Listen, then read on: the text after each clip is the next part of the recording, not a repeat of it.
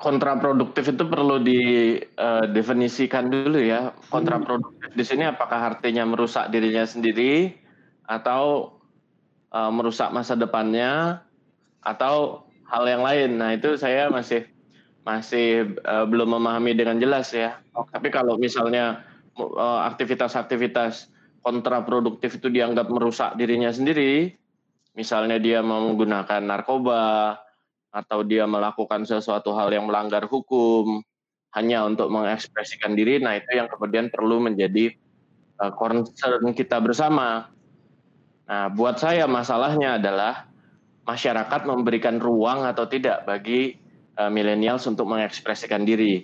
Ya, karena sering kali tidak ada ruang, tidak ada kesempatan untuk mereka. Mereka membuat ruang sendiri, membuat kesempatan sendiri, dan inilah yang kemudian jadi hal-hal kontraproduktif. Ambil satu contoh kasus, seorang pemuda punya keinginan untuk memimpin, punya keinginan untuk dihormati oleh teman-temannya, punya keinginan untuk uh, tampil, tapi karena tidak ada ruang, akhirnya diekspresikan dalam bentuk-bentuk lain, misalnya tawuran, ya, tawuran atau contoh yang lain. Padahal kita bisa saja menyediakan ruang untuk mereka, misalnya apa olahraga tinju, begitu kan? Nah, olahraga karate. Nah, ruang-ruang inilah yang perlu dibuka luas agar mereka bisa menemukan jalur untuk mengekspresikan diri tanpa mereka menjadi uh, kontraproduktif.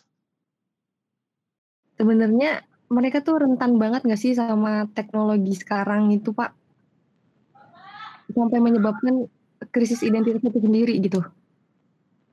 Iya, eh, remaja atau milenial termasuk di dalam kelompok rentan ya. Eh, pertama, literasi digitalnya mungkin masih kurang. Nah, padahal di dalam media digital, ya tidak hanya sosial media ya, media digital itu luas macam-macam itu ada banyak sekali informasi sampai orang mengatakan sekarang ini kita kebanjiran informasi, kebanjiran macam-macam hal. Nah, ini kan perlu kemampuan memilah dan memilih. Nah, kalau mereka tidak dibekali dengan kemampuan itu, tentu saja semuanya akan diserap baik yang positif maupun yang negatif. Jadi eh, rentan dalam sisi itu.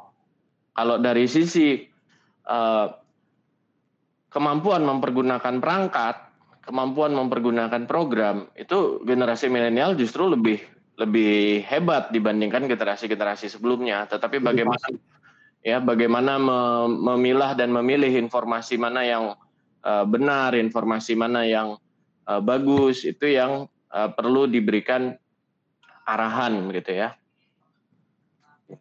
Biasanya nih Pak ya, kan uh, kadang-kadang kan ya milenial tuh masih ibaratnya sebutannya apa? Kalau di Jawa orang Jawa itu sebutnya gerusak gerusuk ya pak ya. Jadi harus informasi yang terlalu banyak juga mereka diterima terlalu banyak jadinya overload. Nah kadang-kadang kan uh, anak-anak muda ini kadang suka suka susah lah ibaratnya dikasih tahu sama generasi sebelumnya. Kira-kira gimana sih uh, saran bapak atau mungkin nasihat biar buat anak-anak ini tidaknya bisa dengerin dulu deh generasi sebelumnya yang walaupun secara pemahaman teknologi generasi sebelumnya mungkin dikatakan kurang, tapi secara pengalaman hidup kan lebih banyak gitu Pak. Saya kira uh, generasi muda atau milenial sekarang perlu menyadari dulu bahwa tantangan yang mereka hadapi itu berbeda dengan tantangan yang dihadapi oleh generasi sebelumnya. Ya, setiap zaman punya masalahnya sendiri. Uh, setiap generasi punya tantangannya sendiri. Generasi saya yang lahir di 80-an akhir ya. Itu tantangannya waktu itu adalah rezim politik yang uh, sangat menekan ya, sangat represif. Ya. Maka itu kemudian terwujud di dalam banyak terlibat di aktivitas politik. Demonstrasi misalnya ya, ya seperti mungkin kita belajar dari sejarah 98 sampai 2000-an awal itu uh, demonstrasi unjuk rasa adalah bagian dari kehidupan milih apa uh, anak muda pada zaman itu ya. Mereka nggak bisa dibilang milenial tapi sekarang tantangannya sudah berbeda. Sekarang uh, sumber informasi sudah banyak teknologi sudah sangat mudah digunakan. Nah, tantangan buat mereka adalah bagaimana mereka menciptakan ceruk-ceruk atau niche di mana mereka bisa berkarya dan mereka bisa membangun uh, reputasi karya mereka di sana. Nah, buat saya ini yang masih belum kelihatan, ya. Ceruk-ceruk apa saja yang mau dibangun. Uh, mereka perlu punya orientasi sejak awal mau mau dibawa ke mana begitu kan? Nah, kesempatannya sudah terbuka tinggal mereka mem mem memanfaatkan itu. Nah, mengenali ceruk-ceruk ini yang jadi tantangannya. Ya sekarang kan sangat terfokus ya. misalnya orang ingin jadi influencer ingin jadi selebgram ingin jadi youtuber tetapi sebenarnya tidak hanya di situ saja nah, banyak hal-hal lain ceruk-ceruk lain yang perlu dibangun dan dikembangkan Nah, anak muda yang punya energi untuk itu. Ya. Uh, bagaimana nih Pak tanggapan Bapak melihat kayak anak-anak sekarang banyak juga di YouTube atau di Instagram yang jika ditanya mau jadi apa, uh, pengen jadi youtuber, pengen jadi selebgram, maksudnya ini kan ada kayak pergeseran gitu ya Pak. Ya? Bahkan di zaman saya pun waktu saya kecil aja saya masih mikir saya mau jadi dokter misalnya atau saya mau jadi pilot kayak gitu Pak Ya nggak salah sih mau jadi selebgram, mau jadi influencer, mau jadi youtuber uh, nggak salah. Uh, tetapi jangan hanya uh, arahnya ke sana gitu ya. Perlu oh, juga ya. di bidang-bidang lain. Dan kalaupun pada akhirnya mereka berfokus untuk jadi youtuber, uh, selebgram, influencer, uh, mereka perlu melakukan itu dengan cara yang lebih uh, baik gitu ya, dengan cara yang lebih bermanfaat gitu. Jadi kontennya jangan sekedar prank misalnya atau apa begitu. Ya. Jadi perlu lebih banyak mengolah ide kreatif. Apalagi sekarang ini zamannya industri kreatif atau ekonomi kreatif. Ya, makanya tadi saya nanya gitu karena sebenarnya saya agak resah sih Pak. Soalnya dibalik dibalik tujuannya menjadi youtuber atau menjadi influencer gitu, kadang-kadang jalan yang tempuh tuh terlalu instan gitu kayak yang penting viral jadi kadang-kadang melewati norma-norma gitu pak makanya saya saya sampai menanyakan itu terus uh, apa nih uh, saran atau apa ya kira-kira rambu-rambu apa yang harus diketahui milenial kayak mungkin misalnya dalam penggunaan internet ya kayak ini saya harus stop atau saya masih boleh lanjut di sini gitu pak kayak warning-warningnya gitu sih pak Ya ada beberapa yang jadi rambu ya dalam pemakaian uh, media digital. Yang pertama adalah mereka harus hati-hati dengan segala yang mereka posting. Nah, kenapa harus hati-hati? Karena ada yang namanya rekam jejak digital. Nah, ini akan, akan bisa dicek uh, terus menerus ya. Bisa dicari, ya bisa dicari orang terus menerus dan sekarang juga ada yang namanya uh, doxing. Doxing itu adalah ketika kita berusaha mencari pekerjaan atau kita berusaha uh, menjadi bagian dari satu profesi, orang akan mengecek rekam rekam jejak digital kita. Ya, jadi hati-hati memposting. Ingatlah bahwa setiap hal yang kita posting itu akan selalu ada ya di big data namanya ya direkam di dalam big data itu selalu ada di sana, baik dia di dalam uh, internet biasa atau kalau sudah agak lama mungkin masuk ke dalam deep web, tapi tetap selalu bisa digali orang. Nah, yang kedua adalah perlu juga memperhatikan aspek uh, hukum. Nah, banyak sekali orang yang kemudian uh, memposting sesuatu, kemudian dia menjadi terjerat secara hukum. Ya, Apalagi Indonesia punya undang-undang namanya ITE itu ya. ya. ya banyak, banyak yang terjerat oleh itu. Ya. Yang ketiga adalah ketika kita mempergunakan teknologi, apa pun teknologinya, kita harus memikirkan bahwa penggunaan teknologi itu harus tepat guna. Nah, ya. Artinya mereka harus tahu ini mau digunakan untuk apa. Ya. Uh, yang jadi masalah adalah sekedar mempergunakan untuk misalnya bersenang-senang yang kemudian jadi distraksi ya jadi suatu hal yang mengalihkan dari kewajiban kewajiban-kewajiban yang lain misalnya memakai media sosial terlalu sering dan terlalu lama sampai kewajiban kuliah misalnya menjadi tertinggal. Ya, keasikan nonton YouTube sehingga kewajiban-kewajiban di rumah menjadi uh, terlupakan atau terabaikan. Jadi punya rencana gitu ya. Ini gunanya buat apa? Saya bikin akun Instagram misalnya untuk personal branding. Ya. Nah, itu harus harus ada seperti itu. Ya, bukan bukan sekedar oh pakai biar nanti bisa punya banyak follower gitu. Bukan sekedar itu tapi ada guna yang memang spesifik ingin dicapai. Ini kayak saya pernah kan eh, nonton pertunjukan stand up comedy Panji pernah dibilang orang-orang nggak punya social skill tapi sudah punya social tool. Itu pak.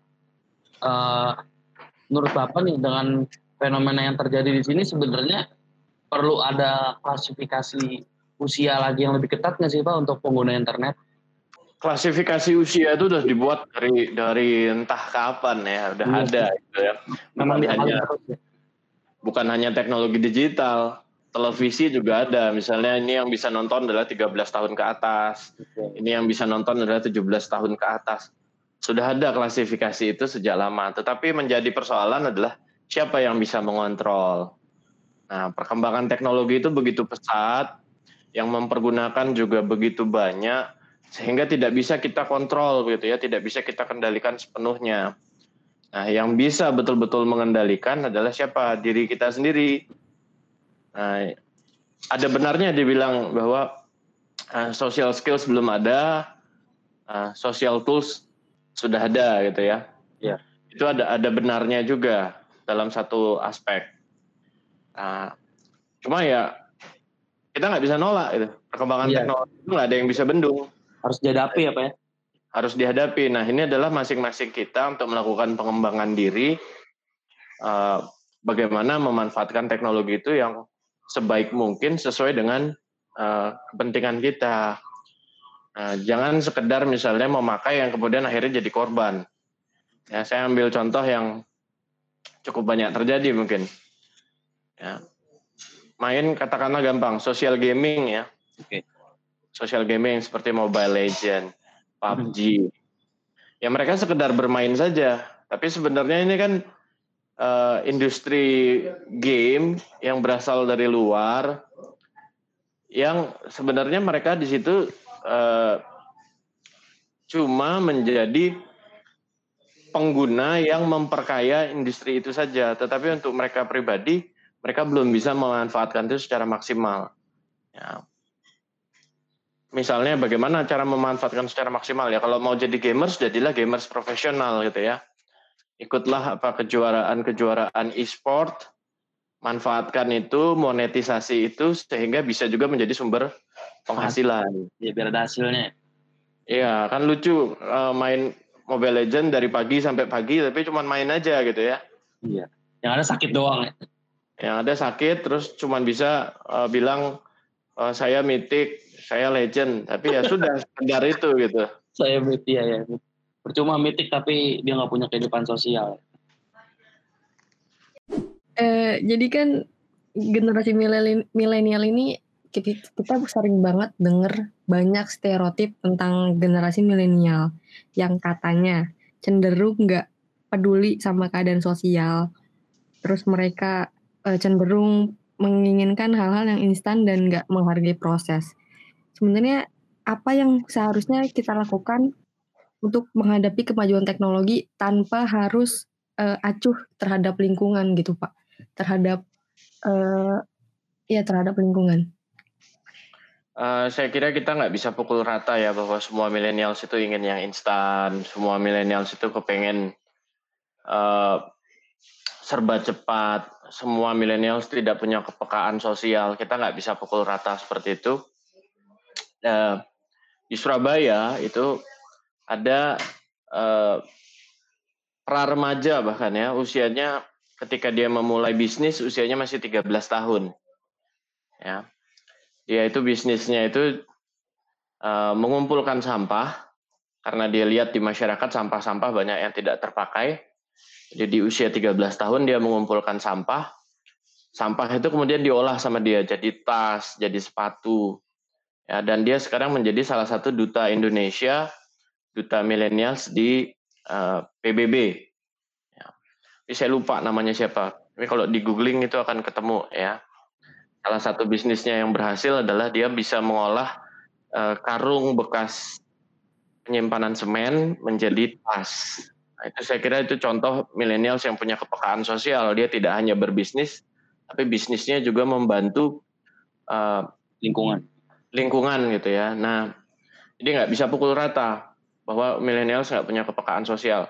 Mungkin yang terangkat adalah stereotip yang tadi. Tetapi sebenarnya di balik stereotip itu banyak sekali anak muda yang punya visi ke depan gitu ya. Jadi kita juga uh, harus melihat secara seimbang.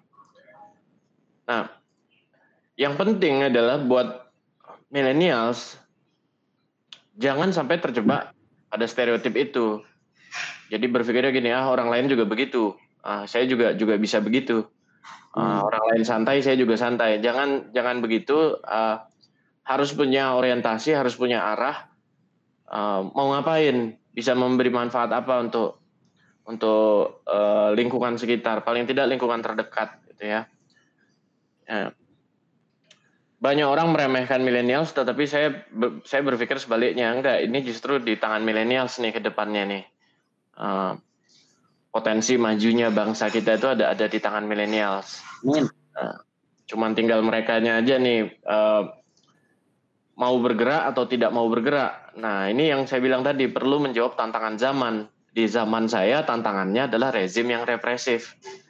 Ya, di zaman milenials tantangannya sekarang adalah bagaimana membuat karya kreatif. Ya ini Pak terakhir nih Pak. Pesan Bapak nih Pak untuk eh, anak-anak sekarang milenial nih yang sedang memasuki transisi kan mencari jati dirinya lagi banyak banget teknologi yang dipakai nih pak. Pesannya gimana pak agar bisa apa ya memilih dengan bijak atau hidup dengan bijak lah pak?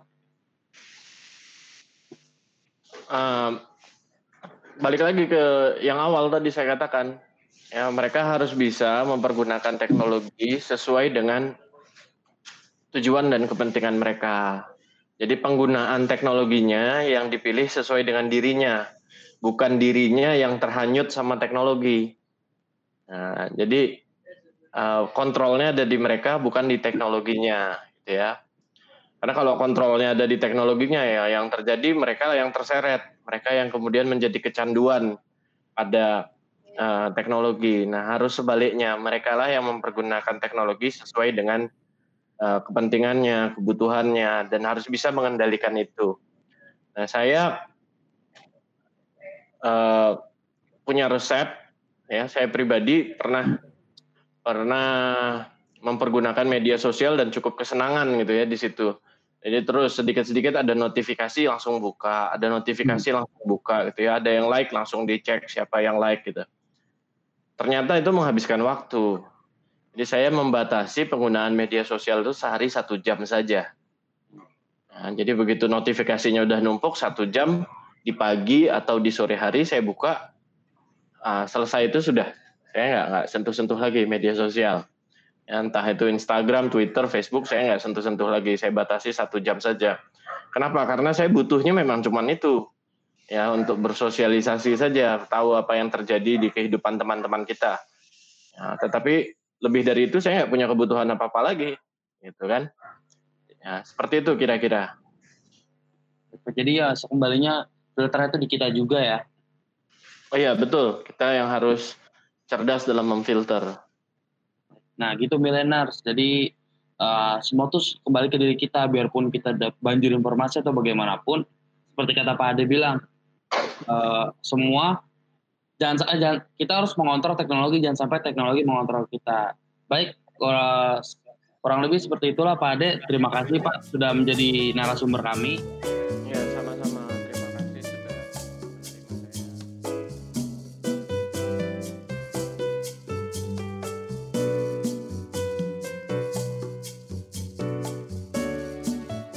Suara Remaja. Give You More Inspiration